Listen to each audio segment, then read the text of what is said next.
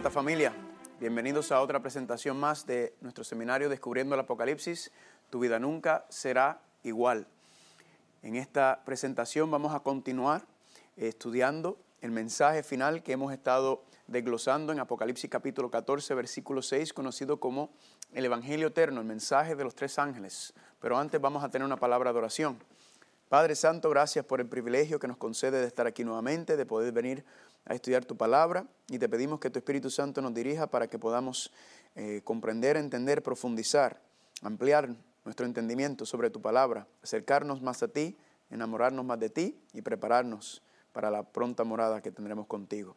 Gracias por esta oportunidad, Padre, y todo esto te lo pedimos en el nombre de Jesús. Amén.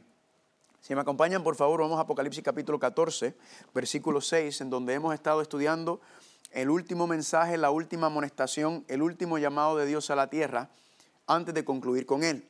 En Apocalipsis capítulo 14, versículo 6 dice, vi volar por el medio del cielo otro ángel que tenía el Evangelio eterno para predicarlo a los moradores de la tierra, a toda nación, tribu, lengua y pueblo. Familia, este Evangelio eterno, ¿verdad? El plan de salvación, que es regresar y poder morar nuevamente en la presencia de Dios, será predicado a toda persona antes del fin, no importa el idioma, no importa el lugar que se encuentra, no importa en qué rincón del mundo está, este mensaje le va a llegar antes del fin. Y gloria a Dios por eso, porque todos tendrán que tomar una decisión. Sigue diciendo versículo 7, diciendo gran voz, teme a Dios y darle gloria, porque la hora de su juicio ha llegado y adorad a aquel que hizo el cielo, la tierra, el mar y la fuente de las aguas. Recuerden familia, ese primer ángel es un llamado a restaurar estos cuatro principios que el Señor ha establecido, que Cristo estableció con su iglesia primitiva y ahora nos está pidiendo nosotros en el tiempo final, antes del regreso de su Hijo, que los restauremos también. Ya hemos estudiado los primeros dos principios, teme a Dios y darle gloria. Hoy vamos entonces con el tercer principio del versículo 7, porque la hora de su juicio llegará. Y si usted lo leyó bien conmigo, no, ahí no dice que la hora del juicio llegará, ahí dice que la hora del juicio ya ha llegado.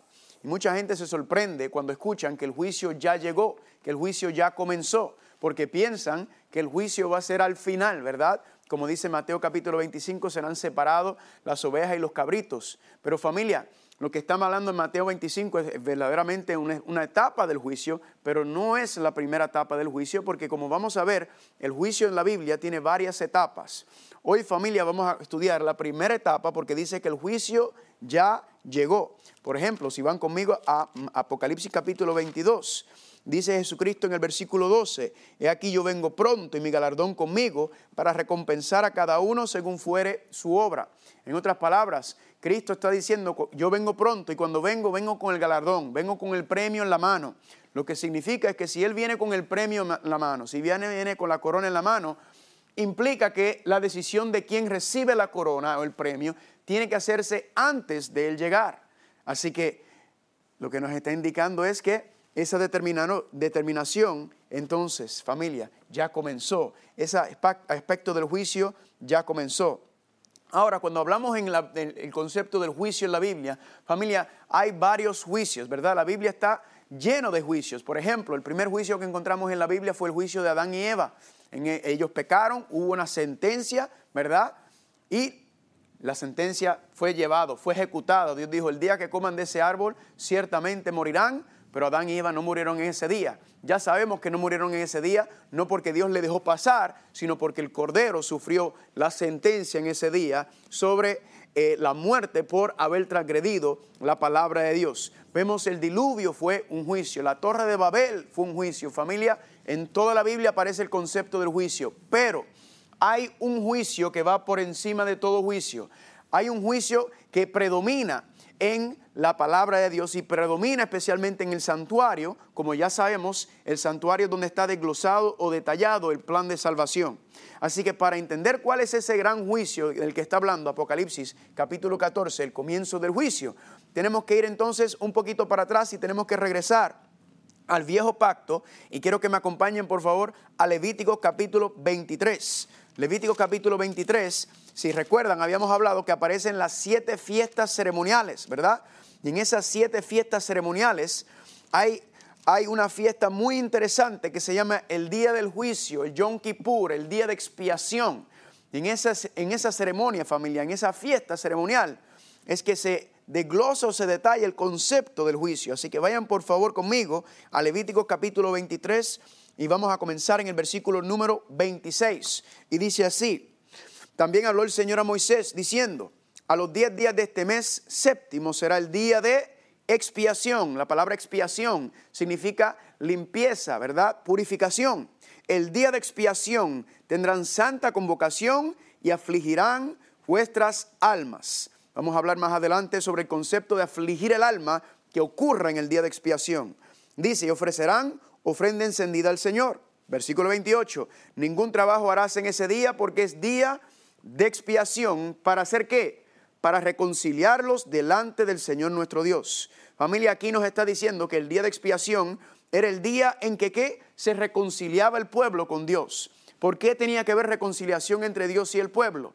Familia, porque el pecado trajo separación entre Dios y el pueblo. Fuimos destituidos de la gloria de Dios. Entonces recuerdan que el plan de salvación es reconciliarnos completamente, poder morar nuevamente en la presencia de Dios. Y entonces la reconciliación comienza con el Cordero, pero estamos viendo familia que la, la reconciliación continúa o termina en el santuario. Sigue diciendo familia, en el versículo número 29, porque toda persona que no se aflige en ese mismo día será cortada de su pueblo, y cualquier persona que hiciere trabajo alguno en ese día, yo destruiré a tal persona de entre su pueblo. El día de expiación, como algunas otras fiestas ceremoniales, eran lo que se conocen como días de reposo ceremonial. Caían de acuerdo al calendario hebreo, caían en diferentes fechas. Por ejemplo, por eso a veces nosotros eh, eh, eh, se celebra la Semana Santa, lo que le llaman Semana Santa, al final de marzo a principios de abril. ¿Por qué? Porque se está siguiendo el calendario religioso hebreo y estas,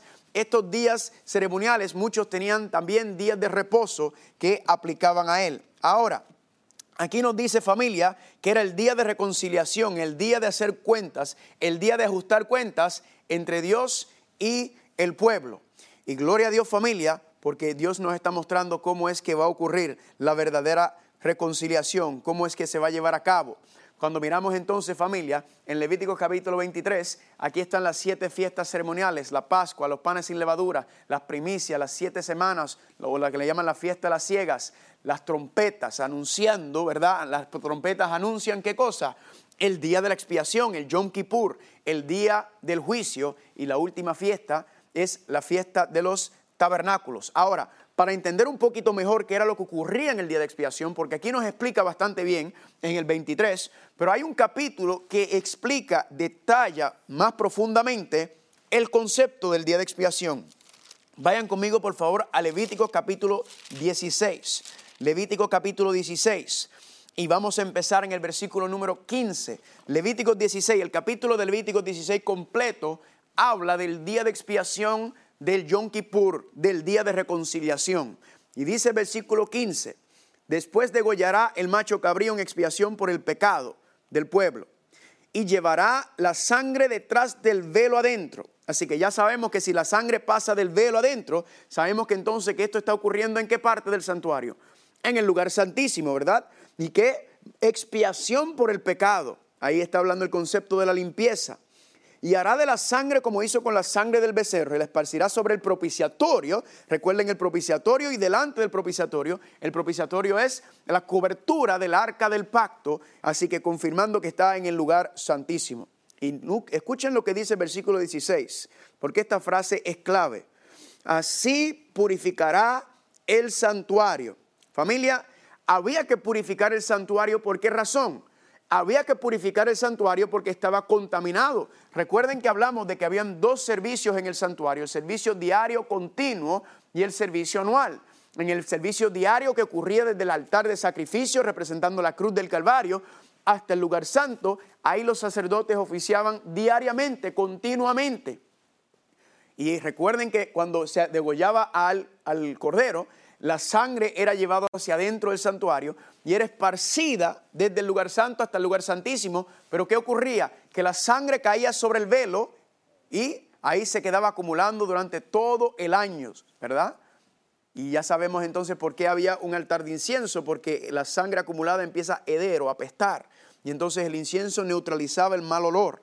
Entonces nos está diciendo familia que esa sangre quedaba ahí cuando Dios te decía, tráeme tu pecado tráeme aquello que te va a llevar a la muerte, tráemelo. Y Dios te decía, yo me voy a encargar de esos pecados. Esos pecados confesados entraban al santuario y Dios se ocupaba de ellos eh, temporalmente, los aguantaba y los retenía con un propósito que más adelante veremos. ¿Cómo era que se limpiaba, familia? Pues se limpiaba en el día de expiación. En el día de expiación era que se limpiaba y se sacaban todos esos pecados que se habían acumulado en el santuario. Y miren cómo dice el versículo 16. Así purificará el santuario. ¿A causa de qué? A causa de las impurezas de los hijos de Israel, de sus rebeliones y de todos sus pecados. De la misma manera haré también al tabernáculo de reunión, el cual reside entre ellos, entre ellos en medio de sus impurezas. Así que aquí familia entonces, el día que el día de expiación, el Yom Kippur, era que se purificaba el santuario, se limpiaba el santuario. Quiero que recuerden ese concepto muy importante. Ahora familia, el día de expiación, el Yom Kippur, era el día más importante del calendario hebreo. ¿Y por qué razón? Pues ya sabemos porque era el día que se limpiaba el santuario. Ahora, ¿qué pasaba? En ese día eh, era un día de reposo ceremonial, la gente no trabajaba, todo el mundo se ponía alrededor del santuario, en afligir el alma, en ayuno, en oración, para ver si sus vidas estaban bien con el Señor. Porque ¿qué pasaba? Familia decía ahí que si tú no, si tú no afligías el alma, dice que eras cortado del pueblo. En otras palabras, te borraban del libro, te sacaban fuera del campamento y si tú estabas fuera del campamento, familia, en el desierto, lo que te esperaba era una muerte segura. Pues familia, también en el día de expiación, todo el pueblo estaba ahí y el sumo sacerdote en este día, familia, solamente el sumo sacerdote podía entrar al lugar santísimo, que recuerden que habíamos estudiado que en el lugar santísimo está la presencia de Dios y no se entraba ahí durante todo el año. Solamente en el día de expiación el sumo sacerdote podía entrar al lugar santísimo. ¿Para hacer qué? Para hacer la obra de reconciliación entre Dios y el pueblo. Pero noten familia, que si era el día más importante por otra razón, y era porque si en algún momento el sumo sacerdote no hacía exactamente como Dios le decía, en algún momento ellos fallaban en seguir las instrucciones de Dios al pie de la letra y no se purificaba el santuario. La presencia de Dios se tenía que ir del santuario, porque Dios no podía morar entonces con ellos el próximo año si no sacaban y limpiaban esos pecados. Así que si Dios se hubiera apartado, si el santuario hubiera quedado desolado, implicaba que que Dios no iba a estar con ellos y Dios era el que le daba maná, Dios era el que le daba agua, Dios era el que los protegía y los cuidaba. Así que, ¿qué hubiera pasado si no hubieran seguido exactamente lo que Dios decía al pie de la letra, familia? Pues lamentablemente, familia, todos hubieran muerto en el desierto. Así que era el día más importante, era el día, eh, el día del juicio, el día de arreglar cuentas con el Señor, el gran día del juicio. Ahora, quiero compartir con ustedes un versículo, Éxodo capítulo 28, versículo 29 y 30. Vamos a leerlo, Éxodo capítulo 28, versículo 29 y 30. Importante para el contexto de lo que vamos a estudiar y llevará Aarón los nombres de los hijos de Israel en el pectoral del juicio sobre su corazón, cuando entre en el santuario, y llevará siempre Aarón el juicio de los hijos de Israel sobre su corazón delante del Señor. Familia, cuatro puntos sumamente importantes que nos va a ayudar a entender, familia, el concepto del juicio. Primero, ¿quién era el que llevaba el juicio? Pues dice aquí que era Aarón, el sumo sacerdote. Segundo punto, el juicio era llevado a cabo en dónde? Era llevado a cabo en el santuario. Tercer punto, el juicio era primero con quién, decía, empezaba con el pueblo o con los hijos de Dios. En otras palabras, familia, esta primera etapa del juicio que estamos estudiando nosotros, más adelante veremos las otras dos, porque son tres en total, esta primera fase, familia, comienza con el pueblo de Dios. Y el tercer punto era que decía el, versículo, que el juicio en dónde era, pues era en el santuario, pero específicamente era delante de Dios. Familia, cuatro conceptos sumamente importantes que vamos a volver a repetir porque todo lo que estamos viendo, familia, estamos hablando del cumplimiento en el viejo pacto, lo que se hacía en el santuario terrenal. El sumo sacerdote terrenal entraba en el santuario terrenal, en el lugar santísimo de ese santuario, y entraba y ahí estaba el arca del pacto, que era una maqueta, una demostración del trono de Dios. Ahora familia, ya habíamos hablado y mencionado que las siete fiestas ceremoniales son siete profecías. Recuerden, todo lo que está relacionado con el santuario tiene que ver con el cumplimiento, con el plan de salvación de cómo es que Dios iba a limpiar, iba a separarnos del pecado para que podamos morar nuevamente con Él, porque ese es el plan de salvación, volver a vivir, volver a morar en la presencia de Dios. Ahora, ¿qué pasa aquí en este contexto, familia? Que si las siete fiestas ceremoniales eran profecías y cada una de las fiestas anteriores vimos su cumplimiento profético, significa entonces que el día de expiación también tiene un cumplimiento profético. Significa que entonces tendremos que encontrar el cumplimiento profético no en el viejo pacto en el santuario terrenal con un sumo sacerdote terrenal, sino tiene que ser entonces en el nuevo pacto con un sacerdote verdadero y en el santuario celestial. ¿Y quién ustedes creen que es nuestro verdadero sumo sacerdote? Cristo Jesús. Ahora, para encontrar el cumplimiento profético del día de expiación, entonces familia, tenemos que ir a el libro de Daniel capítulo 8. Acompáñenme, por favor, a Daniel capítulo 8. En Daniel capítulo 8 vamos a encontrar el cumplimiento profético del día de expiación. Y vamos a empezar en Daniel capítulo 8, versículo número 9. Dice así, y uno de ellos salió un cuerno pequeño que creció mucho al sur, al oriente y hacia la tierra gloriosa. Paremos un momento. Aquí se nos presenta por primera vez al cuerno pequeño. Y el cuerno pequeño vamos a ver más adelante, que es el anticristo que se levanta de este sistema llamado la bestia. El anticristo, el cuerno pequeño, dice aquí que está creciendo como al sur, al oriente y hacia la tierra gloriosa. En otras palabras, el cuerno pequeño está ampliándose de manera horizontal, está eh, eh, obteniendo dominio terrenalmente, políticamente hablando, ¿verdad? Porque es un rey, vamos a ver. Pero noten lo que dice aquí, que no se conforma con tener poder terrenal, sino que quiere también qué. Versículo número 10. Y se engrandeció hasta el ejército del cielo y parte del ejército de las estrellas echó por tierra y las pisoteó. El 11. Aún se engrandeció contra el príncipe de los ejércitos. Ahora, ¿quién es el príncipe de los ejércitos? Familia es Cristo Jesús. Noten que este cuerno pequeño no se conforma con tener poder terrenal, con tener poder civil político. Él tiene también qué? Él quiere también dominar en los asuntos celestiales. Él quiere dominar en el cielo y en la tierra. Sigue diciendo, aún se engrandeció contra el príncipe de los ejércitos y por él fue quitado el continuo sacrificio. ¿En dónde era que encontrábamos el continuo sacrificio, familia? En el santuario. Dice aquí, y el lugar de su santuario fue echado por tierra. A causa de la prevaricación le fue entregado el ejército junto con el continuo sacrificio. Y dice aquí, echó por tierra la verdad, hizo cuanto quiso y prosperó. Familia, aquí nos está dando un panorama increíble, profético. Daniel está viendo esto. ¿Y qué está viendo Daniel? Daniel está viendo el cuerno pequeño que se levanta y el cuerno pequeño que hace. El cuerno pequeño entra dentro del santuario de Dios y está pisoteando las verdades de Dios, está pisoteando el plan de salvación, está pisoteando, está pisoteando el continuo, el sacrificio, lo que está dentro del santuario, familia. En otras palabras, proféticamente hablando, lo que nos está indicando esta visión de Daniel capítulo 8 es que el cuerno pequeño, ¿en dónde está? Está dentro del santuario, está dentro de la iglesia cristiana. ¿Por qué?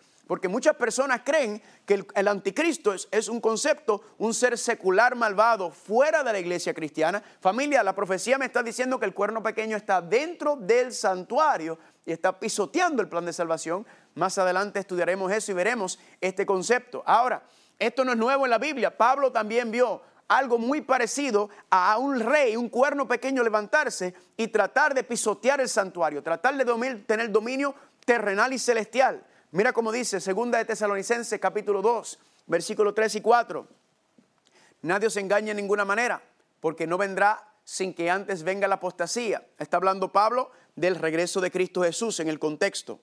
Cristo no vendrá sin que antes venga la apostasía. Apostasía es rebelión ¿dónde? Dentro de la iglesia.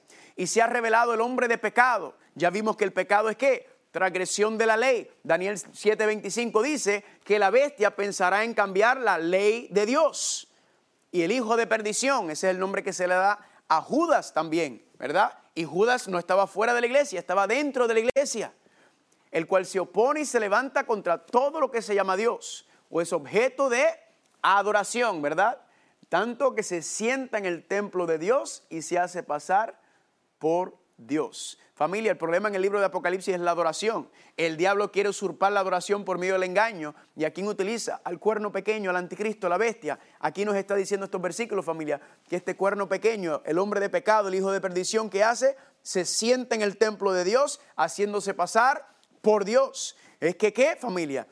Ya eh, lo hemos mencionado, pero el concepto del anticristo familia es que el que se pone en el lugar de Cristo, el que se pone en el lugar de Dios, el que dice ser Dios sobre la tierra. Eso lo vamos a confirmar más adelante familia, porque solamente estamos dando eh, pinceladas, estamos enfocándonos en el concepto del juicio en este momento. Así que sigamos leyendo. ¿Qué más pasó? Dice así en el versículo número 13.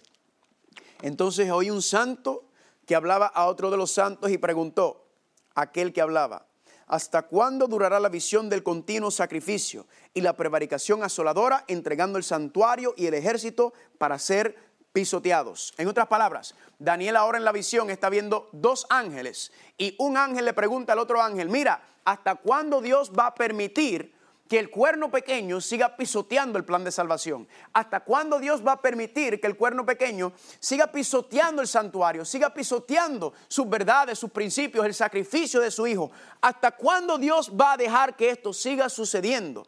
Y la contestación está en el versículo 14 y dice así, y él dijo, hasta 2300 tardes y mañanas y luego el santuario sería purificado.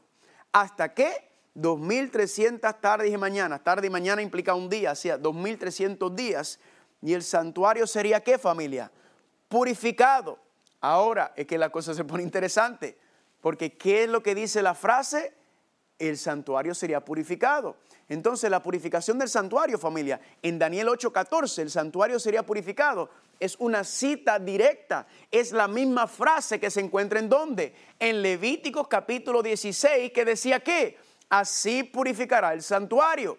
¿Cuál era el día en que se purificaba el santuario de las impurezas y de los pecados? Familia, era el día de expiación, el Yom Kippur. Ah, estamos hablando allá en el Levítico 16, en el viejo pacto. Pero ahora estamos viendo, familia, en Daniel capítulo 8, 14, que nos está diciendo que Dios iba a permitir al cuerno pequeño pisotear el plan de salvación. ¿Hasta cuándo? Hasta los 2300 tardes y mañanas, 2300 días, que dice, el santuario sería purificado. Gloria a Dios familia. Acabamos de encontrar el cumplimiento profético del día de expiación. No en un santuario terrenal, estamos viendo, sino en un santuario celestial. Familia, ya hemos hablado sobre el concepto de los días proféticos. Recuerden que en la literatura apocalíptica aplicamos el principio de un día profético equivale a un año literal, lo que significa que no son 2.300 días, ya sabemos que son 2300 años, ¿verdad? Esta profecía, familia, entonces lo que nos está diciendo es, Daniel lo que está escuchando de los ángeles, mira, Dios va a permitir, Dios va a permitir que el cuerno pequeño lleve a cabo su, su, su, pisotear el santuario, pisotear el plan de salvación. Vamos a ver más adelante que dice que el cuerno pequeño, el anticristo, prospera, hace cuanto quiere y prospera, y Dios se lo permite. ¿Hasta cuándo? Hasta 2300 tardes y mañanas, hasta 2300 años. Significa que después de los 2300 años, Dios no va a permitir que el cuerno pequeño siga haciendo lo que quiera, sino que Dios va a ponerle un fin a lo que está haciendo el cuerno pequeño del anticristo. Más adelante estudiaremos eso, familia. Esto es una cosa sabrosa por demás. Ahora, ¿qué tenemos que hacer? Ya tenemos el tiempo profético. Ahora, ¿qué necesitamos? Ahora necesitamos saber cuándo comienza ese tiempo profético. ¿Para qué? Para saber cuándo es que terminan los 2300 días, tardes y mañanas o los 2300 años. Y al final entonces sabremos cuándo comienza el juicio. Cuándo comienza el día que se purificaba el santuario, el Yom Kippur, el gran día del juicio, el día de reconciliación. Así que sigamos leyendo. Dice versículo 15. Aconteció que mientras yo, Daniel, consideraba la visión, procuraba comprenderla Significa que Daniel no entendió la visión. He aquí que se puso delante de mí uno con apariencia de hombre. Y oí una voz del hombre, oí una voz de hombre entre las riberas del Lulay, que gritó y dijo, Gabriel, enseña a este la visión. Dios le dice al ángel Gabriel, mira Gabriel, ve y háblale y explícale a Daniel la, la visión, porque Daniel no la entendió. Dice el versículo número 17, vino luego cerca de donde yo estaba y con su herida me asombré y me postré sobre mi rostro. Pero él me dijo, Entiende, hijo de hombre, porque la visión es para el tiempo del fin. Esa frase, familia, de que la visión es para el tiempo del fin, la habíamos también visto anteriormente. La visión es para el tiempo del fin, familia. Entonces, el concepto del tiempo del fin, él lo que estamos estudiando, ¿verdad? En Apocalipsis nos está hablando, detallando el concepto del tiempo del fin, las cosas finales que van a pasar sobre esta tierra. Lo que significa es que esta profecía de los 2300 años nos está diciendo que al final, hasta 2300 años, entonces es que el tiempo del fin comenzará. Así que alrededor del final de los 2300 años nos dice, el tiempo del fin comenzará. Ahora, yo no sé usted, pero a mí me gustaría saber cuándo fue que comenzó el tiempo del fin. ¿Están conmigo? Pero tenemos un problema. Si usted sigue leyendo el capítulo, el capítulo 8, mm, Dios no le da ninguna fecha de inicio a la profecía de los 2300 años. Y es una razón muy sencilla. La razón es porque Daniel se enfermó. Daniel no aguantó y no soportó lo que estaba viendo. Daniel veía cómo el cuerno pequeño pisoteaba el santuario, el, el, lugar donde moraba Dios. Daniel veía el santuario y cómo el cuerno pequeño estaba deshaciendo las verdades de Dios. Y eso Daniel lo quebrantó, lo enfermó. Entonces Gabriel viene y dice, bueno, yo no le puedo decir, terminar de decir al muchacho la fecha porque si no se me va a morir el muchacho. Y Gabriel entonces le da un descanso a Daniel. Mira cómo lo dice en el versículo 26 del capítulo 8. Dice, la visión de las tardes y de las mañanas que se ha referido es verdadera y tú guarda la visión porque es para muchos días. Y miren el versículo 27. Y yo, Daniel, quedé quebrantado. Estuve enfermo algunos días y cuando convalecí atendí los negocios del rey pero estaba, miren esto, espantado a causa de la visión y no la entendía. Familia, claramente dice aquí que Daniel quedó enfermo, quebrantado. Por poco se nos muere el muchacho. Y Gabriel dice, vamos a darle un descanso, porque primero que está enfermo y segundo que tampoco entendió la visión. No la entendió, entonces ¿qué? Vamos a dejarlo tranquilito. Y el ángel Gabriel lo deja tranquilito por un espacio de tiempo de aproximadamente 11 años. 11 años después es que regresa Gabriel para terminar de explicarle la visión porque Daniel no la entendió. ¿Y cuándo fueron esos 11 años después? Daniel capítulo 9, vayan conmigo por favor, a Daniel capítulo 9, versículo número 20. Ya habíamos estado aquí anteriormente cuando estudiamos el tema de la nación de Israel y los 144 mil. Dice así en Daniel capítulo 9, versículo número 20 aún estaba hablando y orando y confesando mi pecado y el pecado de mi pueblo Israel y derramando mi ruego delante del Señor mi Dios por el monte santo de mi Dios. Aún estaba hablando en oración cuando el varón Gabriel, a quien había visto cuando, en la visión al principio. ¿Qué visión fue la del principio? Pues familia, la visión que acabamos de leer en Daniel capítulo 8. Y dice aquí, al que había visto la visión al principio, volando con presteza, vino a mí como la hora del sacrificio de la tarde, o sea, como las 3 de la tarde. Y me hizo entender y habló conmigo diciendo, Daniel, ahora he salido para darte sabiduría y entendimiento. Al principio de tu ruego fue dado la orden. Quiero decirle algo, familia, que las, personas, la ciencia enseña que la, la luz es lo más veloz que hay, ¿verdad? La velocidad de la luz. Pero a mí me dice aquí que hay algo más veloz que la luz y son los ángeles. ¿Cómo es? Porque aquí dice, Gabriel le dice a él que aún estaba orando al principio de tu ruego fue dada la orden y yo he venido para enseñártela. En otras palabras, Daniel estaba orando y cuando Daniel estaba orando pidiéndole al Señor, Dios le dijo a Gabriel, Gabriel, vete y contéstale al muchacho. Y ahí estaba Gabriel al lado de Daniel esperando que terminara de orar, ya con la respuesta en la mano. ¿Sabes lo que me enseña eso, familia? Me enseña que cuando tú te pones, te postras a, a orarle al Señor, cuando tú le pides al Señor, antes de que tú termines, antes de que tú empieces, ya el Señor está involucrándose, ya el Señor está interviniendo en tu petición. Y por eso yo digo, gloria a Dios, porque mi Señor no tarda, familia. El Señor siempre está a tiempo. El problema es que nosotros somos muy impacientes o tenemos muy poca fe para esperar que se cumplan las cosas en los tiempos del Señor. Noten aquí, versículo 23, regresando ahora, dice Gabriel a Daniel, al principio de tu ruego fue dada la orden y yo he venido para enseñártela porque tú eres muy amado. Entiende pues la orden y entiende la visión. Nota que el ángel Gabriel le dice a Daniel, yo te vengo a explicar dos cosas. Primero, la petición que estaba haciendo en ese momento en el capítulo 9 por el santuario, por regresar a Jerusalén. Yo te tengo una orden relacionado con esa petición, pero también te vengo a enseñar a la misma vez la visión que no entendiste en el capítulo 8. En otras palabras, nosotros decimos que viene a matar dos pájaros con un tiro.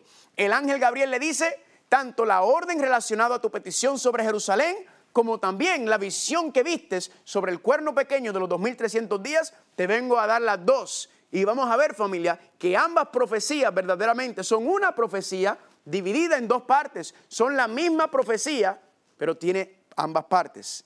Ahora, la pregunta es, ¿cómo podemos entender esto? Miren lo que dice el versículo 24. Dice, 70 semanas están determinadas sobre tu pueblo y sobre tu santa ciudad para terminar la prevaricación, poner fin al pecado, expiar la iniquidad, para traer la justicia perdurable y sellar la visión y la profecía y ungir al santo de los santos. Familia, aquí entonces nos dice 70 semanas están determinadas. El concepto de 70 semanas entonces determinadas, la palabra 70, eh, perdón, la palabra determinadas es la palabra katak. Y la palabra katak significa cortadas de. En otras palabras, esa primera profecía de 70 semanas que habíamos estudiado unas presentaciones atrás es cortada de algo, o en otras palabras, es parte de algo. Y cuando nos preguntamos, ¿de qué es parte la profecía de las 70 semanas? Pues familia, el versículo anterior nos dice que la orden y la visión han juntas. En otras palabras, la profecía de las 70 semanas es parte de la profecía de los 2300 años, familia. Las dos profecías están juntas, ¿están conmigo? En, por lo tanto, familia, cuando estudiamos entonces no se le da una fecha de partida a la profecía de los 2300 años. Gabriel no se la dio entonces, pero cuando regresa ahora se la da. Y mira lo que dice en el versículo 25. Sabe pues si entiende que desde la salida de la orden para restaurar y edificar a Jerusalén hasta el Mesías príncipe habrá siete semanas y 62 semanas. Ya habíamos estudiado, ¿verdad? Las 62 semanas, las 69 semanas, las 70 semanas que son la misma profecía. Pues aquí nos está diciendo familia que la orden para, de salida para reconstruir y reedificar a Jerusalén, el santuario, la ciudad, las paredes, todo, familia. Desde esa orden, y esa, y esa orden ya la estudiamos. Si recuerdan en Esdras capítulo 7, versículo 7, nos decía que todo esto, esa orden se dio en el séptimo año de Artajerjes. Y el séptimo año de Artajerjes enseña la historia, que es el año 457 antes de Cristo. Así que familia, tenemos la fecha de partida de ambas profecías. La de los 2300 años es la profecía mayor, la de las 70 semanas, que también recuerdan que eran 490 días, pero un día profético es equivalente a un año literal. Entonces familia, las 490 es parte de los 2300 años. ¿Y cuál es la fecha de partida, familia? El año 457. Ahora, hay dos maneras que podemos sacar este cálculo. Dos maneras muy sencillas. Primero podemos, podemos ir directamente y restar, eh, restarle al año 457, que es antes de Cristo, los 2300 años, y nos llevará la fecha, ¿verdad? Como está en contra o al revés, si hacemos los cálculos, eso nos llevaría entonces, si usted le resta al año 457, le resta 2.300 años, eso te llevaría a qué año?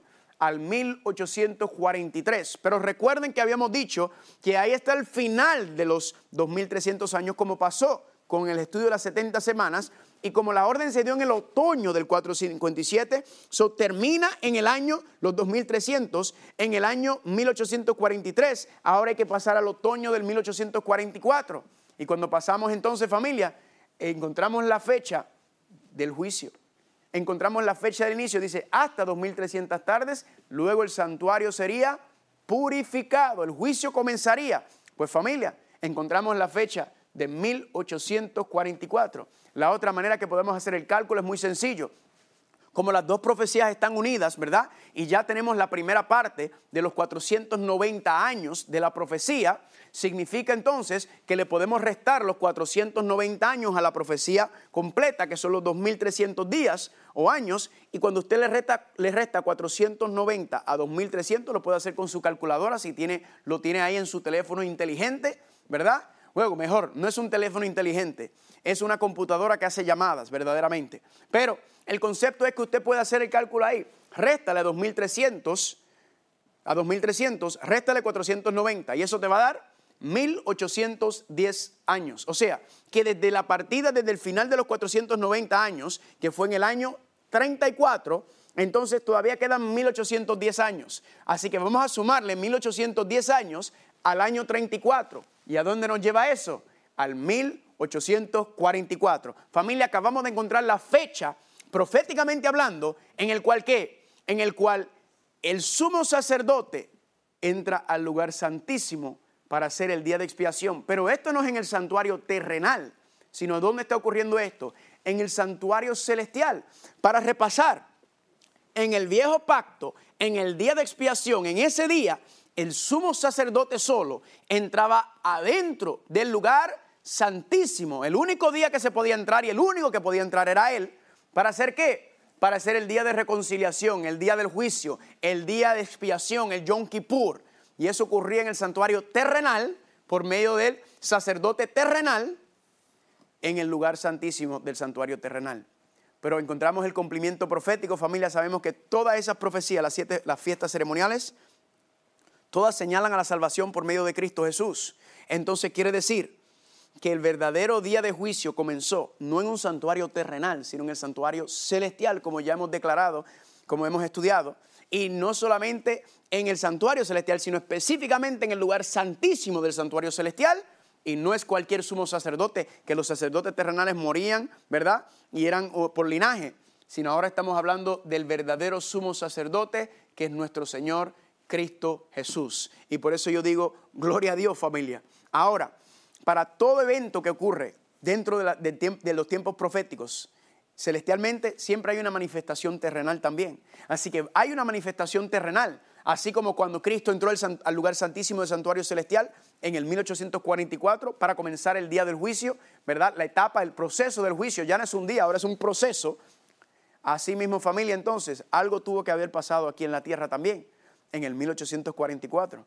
Y la pregunta es, ¿qué fue lo que pasó en la Tierra en el 1844? Pues lamentablemente no nos da tiempo en, este, en esta presentación para cubrirlo. Más adelante vamos a entrar en esa temática y vamos a ver que esto está desglosado también en el concepto de las siete iglesias, los siete sellos que son paralelos. Más adelante estudiaremos un poco más sobre esos, esos conceptos también.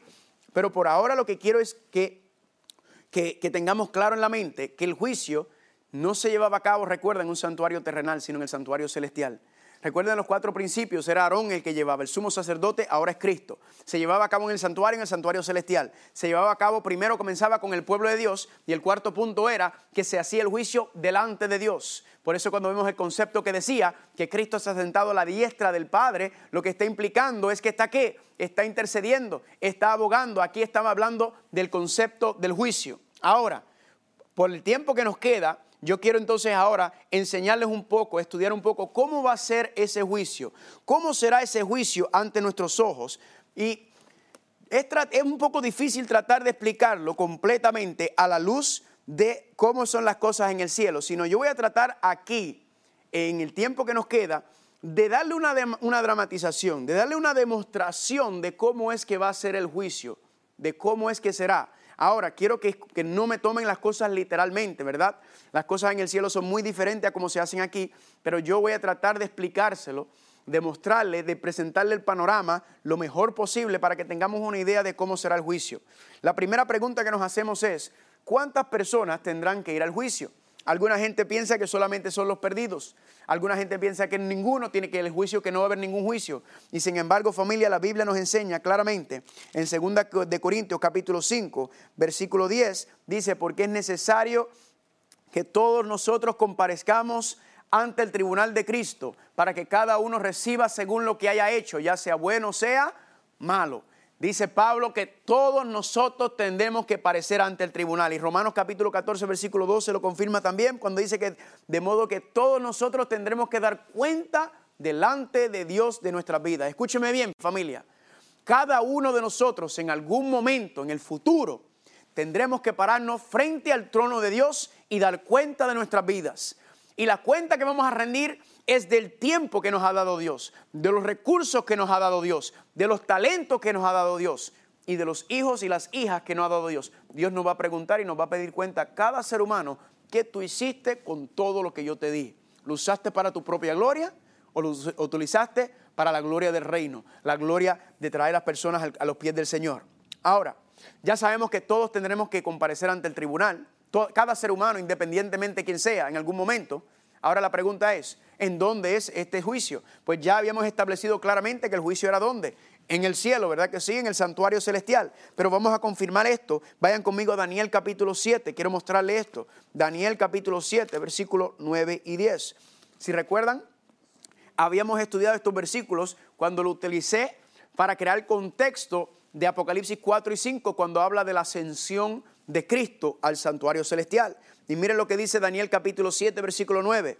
Estuve mirando hasta que fueron puestos tronos y se sentó un anciano de días cuyo vestido era blanco como la nieve y el pelo de su cabeza como lana limpia y su trono llama de fuego y las ruedas del mismo fuego ardiente. Si recuerdan habíamos estudiado y habíamos establecido que ese anciano es Dios Padre y nos dice que estaba en el trono y que el trono tiene ruedas, ¿verdad? Implicando, no es que literalmente tiene ruedas, implicando que si tiene ruedas es que ¿qué? Es que se mueve el trono. Familia, Sí, cuando vimos en Apocalipsis capítulo 1, estaba Cristo en el lugar santísimo. Y dice que el trono se mueve. ¿A dónde se movió en el 1844? Pues del lugar santo al lugar santísimo. Eso lo, vimos también en Ezequiel capítulo 1, donde dice que los ángeles, ¿verdad? Los cuatro seres vivientes son los que están moviendo el trono y el Espíritu Santo es el que está dirigiendo el trono de Dios. Sigue diciendo familia en el versículo número 10, porque aquí es donde la cosa se pone interesante. Un río de fuego procedía y salía de delante de él millares de millares le servían y millones de millones asistían delante de él. El juez se sentó y los libros fueron abiertos. El juez se sienta y los libros fueron abiertos. Familia, si el juez se sentó, ¿qué empezó? Empezó el juicio, ¿verdad? Usted ha visto alguna vez en un tribunal cuando usted llega que todo el mundo está en la sala del tribunal y todo el mundo está chichalateando y de momento ¿qué hace? De momento vienen y tocan, aquí está el honorable juez fulano de tal. El juez sale con su batita, entra, ¿verdad? Todo el mundo se para se sienta el juez y cuando el juez se sienta, todo el mundo se sienta, implicando que qué? Que va a comenzar el juicio, familia. Todo ese concepto y casi todos los conceptos que tenemos de nuestro sistema judicial provienen en principios de la palabra de Dios. Ahora, dice que los libros fueron abiertos. La pregunta entonces es, ¿qué son esos libros? Apocalipsis capítulo 20, versículo 12 dice así, y vi a los muertos, grandes y pequeños, de pie delante del trono, y los libros fueron abiertos, y vi otro libro que fue abierto, que es el libro de la vida. Noten que está el libro de la vida y están los libros en plural. Y los muertos fueron juzgados, aquí hay un juicio, por lo que estaba escrito en los libros según sus obras. Familia, aquí dice que los muertos grandes y pequeños estaban en pie. Ahora, ¿alguna vez usted ha visto un muerto parado? No, claro que no. Lo que está diciendo familia es que los que están parados son los que están perdidos. Este va a ser la sentencia. De hecho, este capítulo, este versículo está hablando específicamente de la última fase del juicio, del final, que lo estudiaremos más adelante, cuando Dios terminará con esta tierra, cuando Dios terminará con los perdidos. Ahora, dice que los muertos fueron juzgados por lo que estaba escrito en los libros, según qué? Según fuere su obra. Ahora, la pregunta es, ¿qué hay dentro de estos libros? ¿Qué es lo que está dentro de estos libros? Pues yo le voy a decir que cada uno de nosotros tiene un libro que está en el reino de los cielos. Cada uno de nosotros tiene un libro. ¿Y qué es lo que está dentro del libro de cada uno? Mateo capítulo 12, 35 al 37, Cristo dice, pero yo os digo que de toda palabra ociosa o vana que los hombres hablaren, de ella darán cuenta en el día del juicio. Porque por tus palabras serás justificado y por tus palabras serás condenado. Familia, todo lo que tú has dicho en tu vida, todo está escrito en tu libro. Todo lo que tú has dicho, familia. Ahora, no solamente lo que está, lo que tú has dicho, familia, sino que también miren lo que dice Eclesiastés capítulo 12. Eclesiastés capítulo 12, versículo 14 dice, porque Dios traerá toda obra a juicio, juntamente con toda cosa encubierta, ya sea buena o sea mala. Familia, aquí nos está diciendo que Dios va a traer qué? Todo obra a juicio. Y las personas entonces a veces se preguntan, ¿por qué las obras buenas y malas van a ser? ¿Por qué las buenas y las malas? Si mis pecados fueron echados al fondo del mar, dice la gente. ¿No ha escuchado ese concepto? Y yo sí, es verdad. El concepto de que los echados van a ser echados, los pecados van a ser echados al fondo del mar, en otras palabras, que van a ser eh, eh, eliminados, borrados para siempre. Pero eso no ocurre en el momento. Eso ocurre al final del día de expiación. El día de expiación es un proceso, familia. Y si usted estudia el santuario, recuerda que esos pecados quedaban sobre el velo. Así que, aunque estaban perdonados los pecados, quedaban ahí. No era hasta el final del día de expiación que esos pecados eran sacados fuera del santuario. Y eso vamos a ver. Y hay una razón muy linda. Porque no se preocupe. Porque si están sobre el velo, familia, es que están perdonados. Usted tranquilo. Cuando usted ha confesado sus pecados. Cuando dicen amén. Ahora, ¿por qué mis obras, por qué soy, por qué mis obras, por mis obras seré juzgado si soy salvo por gracia? Esto es una pregunta que mucha gente se hace. Yo soy salvo por gracia. ¿Por qué entonces voy a ser juzgado por mis obras, familia? Y la contestación a esa pregunta es muy sencilla. Es porque tus obras son la evidencia de tu fe. Las obras son el fruto de tu fe. La fe es la raíz de la salvación. Las obras son los frutos o el producto de tu salvación, familia. Son la evidencia que se van a llevar al tribunal para mostrar que usted verdaderamente entonces se ha arrepentido. Esa es la, la, la la obra es lo que se va a manifestar y lo que está escrito en tu libro. O sea, todo lo que tú has dicho y todo lo que tú has hecho está escrito. Todo lo que tú has hecho está en el libro. Aun cuando tú pensabas que no había nadie mirando, familia, todo está ahí escrito, todo está ahí. Ahora, hablando, vamos a continuar con el concepto del juicio. En los juicios hay testigos, en los juicios hay eh, el fiscal, ¿verdad? El que trae la, la acusación, están los abogados defensores. Vamos a empezar. ¿Quiénes son entonces los testigos? Pues familia, Mateo capítulo 8, 18, versículo 10 dice que Cristo, que no despreciéis a uno de estos pequeñitos, porque sus ángeles que están frente al Padre, siempre familia, están contemplando y llevando esas oraciones. Básicamente familia, ¿qué? Los ángeles son los testigos, los ángeles suben y bajan y recuerda como el ángel es bien rápido, hace... Entonces familia, cuando usted se duerme, sube al cielo para llevarlas pero regresa rápido, así que no se levante a medianoche para hacer una poca vergüenza, porque el ángel enseguida puede bajar y volver a apuntar y seguir escribiendo lo que usted está haciendo. Amén. Otro concepto entonces es, ¿quién es el fiscal o el acusador en este concepto? Pues familia, ya leímos en Apocalipsis capítulo 12, ¿verdad? Donde se le llama a Satanás como el acusador, ¿verdad? El nombre es Satanás, el diablo, el que acusa, el que señala, el que calumnia, el que habla. Él entonces está acusando, él está señalando. Pero la pregunta entonces es, ¿y quién es el juez? Pues familia, Juan capítulo 5, versículo 22 dice que el Padre no juzga a nadie, sino que todo el juicio encomendó a quién? Al Hijo. El Padre sí es juez, no me malentienda, pero el Padre ¿qué hace con este juicio? El Padre le dice, Hijo, te encomiendo el juicio, encárgate tú del juicio. El Padre entonces toma un lugar. ¿Por qué razón? Porque Jesucristo puede, puede ser nuestro juez, porque Jesucristo es un ser humano. Él sabe lo que es vivir en la tierra y el Padre dice, hazlo tú, para que no digan que yo de alguna manera eh, no puedo intervenir. El padre puede juzgar si quiere, pero el padre prefiere dejárselo al, hijo para que se vea todo y, las personas no pueden decir, oye, tú no sabes lo que es ser un ser humano. Cristo sí sabe porque vivió como nosotros y fue tentado y peor que todos nosotros, familia. Y otra pregunta es, ¿y qué entonces el abogado defensor quién es? Pues primera de Juan capítulo 2, versículo 1 dice, hijitos míos, estas cosas os digo para que no pequen. Pero si pecan, o sea, si caen, abogado tienes para con el Padre. ¿A quién? A Jesucristo. Familia, ¿quién es el abogado defensor? Es Cristo Jesús. Si Cristo Jesús es el juez y Cristo Jesús es el abogado, significa que si tú tienes a Cristo Jesús de tu parte, familia, tu, tu caso está gano. Y a veces la gente pregunta, ¿será que otras personas pueden interceder por mí, aparte de Cristo Jesús? Primera de Timoteo capítulo 2 versículo 5 dice claramente que hay un solo Dios y un solo intercesor entre Dios y los hombres, que es quién? Cristo Jesús. Cristo familia es el único que puede interceder. ¿Por qué? Porque cuando miras en el día de expiación, el único que podía entrar al lugar santísimo era el sumo sacerdote. Cristo es el único que puede entrar y que puede interceder por nosotros. La pregunta que la gente se hace, ¿y cuál será la norma, la ley, verdad? Porque siempre hay un código por el cual las personas son juzgadas. Pues dice Santiago capítulo 2, versículo 8 al 12, si en verdad cumples la ley del rey, la ley real, la ley de la realeza, la ley del reino, conforme a las escrituras, amarás a tu prójimo como a ti mismo. Pues bien haces, pero si haces acepción de persona, cometes pecado, y eres convicto por la ley como transgresor. Así hablad y así haced como lo, que, lo que habéis de ser juzgado por la ley de la libertad. Familia, el contexto que nos dice cuál es la ley, los diez mandamientos. Los diez mandamientos, la santa ley del reino, que cuando vemos en el arca del pacto está dentro del arca del pacto, que es la base y el fundamento, y el arca del pacto representa el trono de Dios desde donde Él gobierna el universo. ¿Con quién comienza el juicio, familia? Pues ya sabemos que el juicio comienza con quién. Comienza por la casa de Dios, comienza con el pueblo de Dios, el juicio.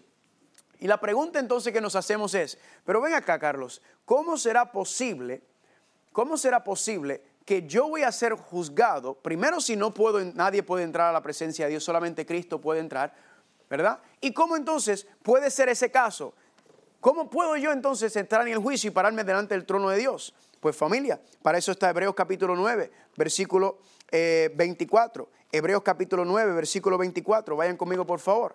Dice así, porque no entró Cristo en el santuario hecho de mano, figura del verdadero, sino en el mismo cielo para presentarse ahora por nosotros en la presencia de Dios. Familia, aquí nos dice que Cristo en dónde entró, no en el santuario terrenal, no en la figura y sombra del verdadero, sino en el santuario verdadero, no hecho de mano, sino el, santuario hecho en el cielo. ¿Para hacer qué? Para presentarse delante de nosotros, familia. Cristo nos representa.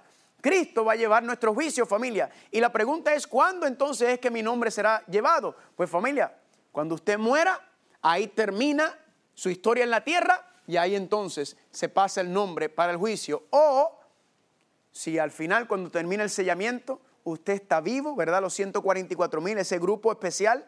Si, ese, si tú estás en ese grupo especial, cuando termine el sellamiento, entonces tu nombre pasará al juicio. No será antes, así que no se preocupe.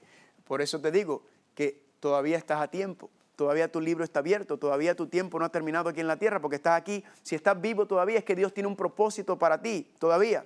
Ahora, quiero mostrarle este versículo, familia para que veamos cuán importante es esto. Romanos capítulo 8, versículo 34. Cristo es el que murió, más aún el que también resucitó, el que además está a la diestra de Dios. ¿Y qué está haciendo Cristo a la diestra de Dios? El que también intercede por nosotros. Familia, aquí nos dice que Cristo murió, ya pasó. Cristo resucitó, ya pasó. Pero ¿qué está haciendo ahora? Está a la diestra del Dios, a la diestra del Padre, haciendo qué? Intercediendo por nosotros. Familia, la intercesión de Cristo en el santuario celestial a favor de nosotros, en nombre, en nombre del ser humano, es tan esencial y tan importante para el plan de salvación como lo fue su muerte y resurrección. ¿Cómo fue? Exactamente. Tan importante es que Él haya muerto como cordero pero también se nos olvida también que Él es sumo sacerdote. Y esa es la etapa presente, porque ya Él murió como cordero en la cruz del Calvario. Así que estamos en dónde? En la etapa presente, en su segunda fase de ministerio de salvación como sumo sacerdote. Ahora, en estos minutos que nos quedan familia, quiero hacerle una dramatización. Y como mencioné, por favor, no me tome esto literalmente. No lo tome literal, sino estoy tratando de pintarles el cuadro de cómo será el juicio. Vamos a suponer que me, toca el, mi día. Vamos a suponer que yo morí, ¿verdad? Y entonces el Tribunal Supremo en el lugar santísimo llama mi nombre. Dicen Carlos Muñoz. Y yo me paro frente al Tribunal Supremo en el lugar santísimo. Recuerden, es una dramatización, no lo tomen literal. Y me dicen, Carlos Muñoz, estás ante el Tribunal Supremo porque eh, tú eres un pecador. Y la paga del pecado es la muerte. Así que vamos a poner todo a juicio ahora comienza el juicio. ¿Quién es el primero que se levanta en el juicio? El acusador, el fiscal, el Estado, ¿verdad que sí? Se levanta el diablo y ¿qué hace el diablo? El diablo viene y saca mi registro de pecados. El diablo saca todos mis pecados y el diablo dice, miren, ustedes ven a Carlos Muñoz ahí, Carlos Muñoz Acosta, eso es tremendo sinvergüenza. Y aquí está la evidencia todos los pecados que este muchacho ha cometido, cada uno de los pecados que cometió. Él transgredió la santa ley de Dios y como él transgredió la ley de Dios y la palabra de Dios dice que, el, pecado es transgresión de la ley y la paga del pecado es la muerte, significa que Carlos Muñoz tiene que morir. Carlos Muñoz, el diablo va a decir, me pertenece a mí. Y todo el mundo ahí, imagina, qué nota discordante el diablo. Entonces, terminó su posición y entonces me miran a mí y me dicen, oye Carlos Muñoz, te tenemos una pregunta. Carlos Muñoz Acosta. ¿Será que tú tienes abogado defensor? Y en ese momento, familia, se levanta Cristo Jesús a mi nombre. Y Cristo se para y viene donde mí. Yo estoy con una vergüenza que no sé ni dónde meter la cara porque me sacaron ahí todos los pecados. ¿Verdad? Y todo lo que dijeron era verdad y yo estoy avergonzado porque yo soy un pecador. Y Cristo Jesús viene va a donde el escritorio del diablo le quita, ¿verdad? Mi registro de pecados, lo mira sabiendo, el diablo no quiere verlo porque el diablo sabe que lo de él viene por ahí pronto. Y Cristo viene y agarra mi hoja de pecados. Y Cristo dice, Tribunal Supremo, estos pecados que están registrados de Carlos Muñoz aquí es verdadero. Verdaderamente Carlos Muñoz es un pecador y la paga del pecado es la muerte. Él transgredió, transgredió, la santa ley de Dios, él violó los diez mandamientos, los diez principios santos y divinos de la vida cristiana, él los violó y aquí está la evidencia. Carlos Muñoz merece morir porque él es un pecador. Pero ya yo morí por los pecados de la humanidad. Y como Carlos me aceptó a mí como su Señor y Salvador, significa que estos pecados ya quedaron saldados en la cruz del Calvario. Carlos Muñoz no tiene que morir, Carlos Muñoz no tiene que pagar la pena del pecado que es la muerte, porque ya yo morí por esos pecados en la cruz del Calvario. Y como Él me aceptó a mí como su Señor y Salvador, ya su cuenta con la ley, su condenación ya está salda y Carlos Muñoz no tiene que morir. Y no solamente eso, sino que ahora Cristo Jesús agarra su récord, su justicia y me lo pasa a mí. Me lo, lo que se conoce como la justicia imputada, la justificación. Significa entonces que Cristo, la justicia de Cristo ahora me cubre a mí, sus méritos, su obra. Y en ese momento cuando yo miro familia, yo no tengo nada en contra mía. No hay ninguna cuenta. ¿Por qué? Porque esta es la vida, los méritos de Cristo Jesús. Y en ese momento, el Tribunal Supremo me mira, el Padre me mira y me dice, bueno, Carlos Muñoz, como tú no tienes ningún pecado en tu registro, significa entonces que tú no tienes pecado, puedes entrar al reino de los cielos. Noten familia que yo no voy a entrar al reino de los cielos por mis méritos, por mis obras, por mi vida, sino la razón por que vamos a entrar al reino de los cielos es por los méritos de Cristo Jesús. Es en su justicia que entraremos al reino de los cielos. Y yo digo, gloria a Dios por eso. Pero el diablo no se va a quedar callado. Va a decir, no, no, ¿cómo podemos probar? Que Él verdaderamente, porque tú dices que no todo el que me diga Señor, Señor entrará al reino de los cielos, sino los que hacen la voluntad. Mi familia, ahí van a agarrar mi libro. Y cuando agarren mi libro, van a empezar a ver mi vida y van a empezar a ver que desde un principio, sí, yo era un sinvergüenza. Desde chiquito van a ver que nací mentiroso, engañoso, sí. Pero era chiquito. Pero a medida que sigan viendo mi vida y pasen las páginas de mi vida, y vean familia, mi vida de pecado y todo lo hice, pero van a llegar un momento en que van a ver en marzo 22 del 2018, van a ver que Carlos Muñoz Acosta bajó a las aguas bautismales, le entregó su vida a Cristo Jesús, se bautizó en el nombre de Cristo Jesús, recibió el perdón de los pecados y ahí familia comienza mi vida por medio del bautismo, que tu nombre es escrito en el libro de la vida y que Cristo entonces se convierte en tu sumo sacerdote, en tu abogado defensor. Y van a ver que de ese, de ese monte en adelante no van, no van a ver, van a deficiencias, van a ver luchas y batallas pero en general van a ver, el muchacho está orando, está estudiando, está creciendo y van a, mi vida va a marcar toda familia un cambio literal, un cambio drástico. Ese es el cambio que Dios quiere hacer en ti. Que el Señor te bendiga mucho.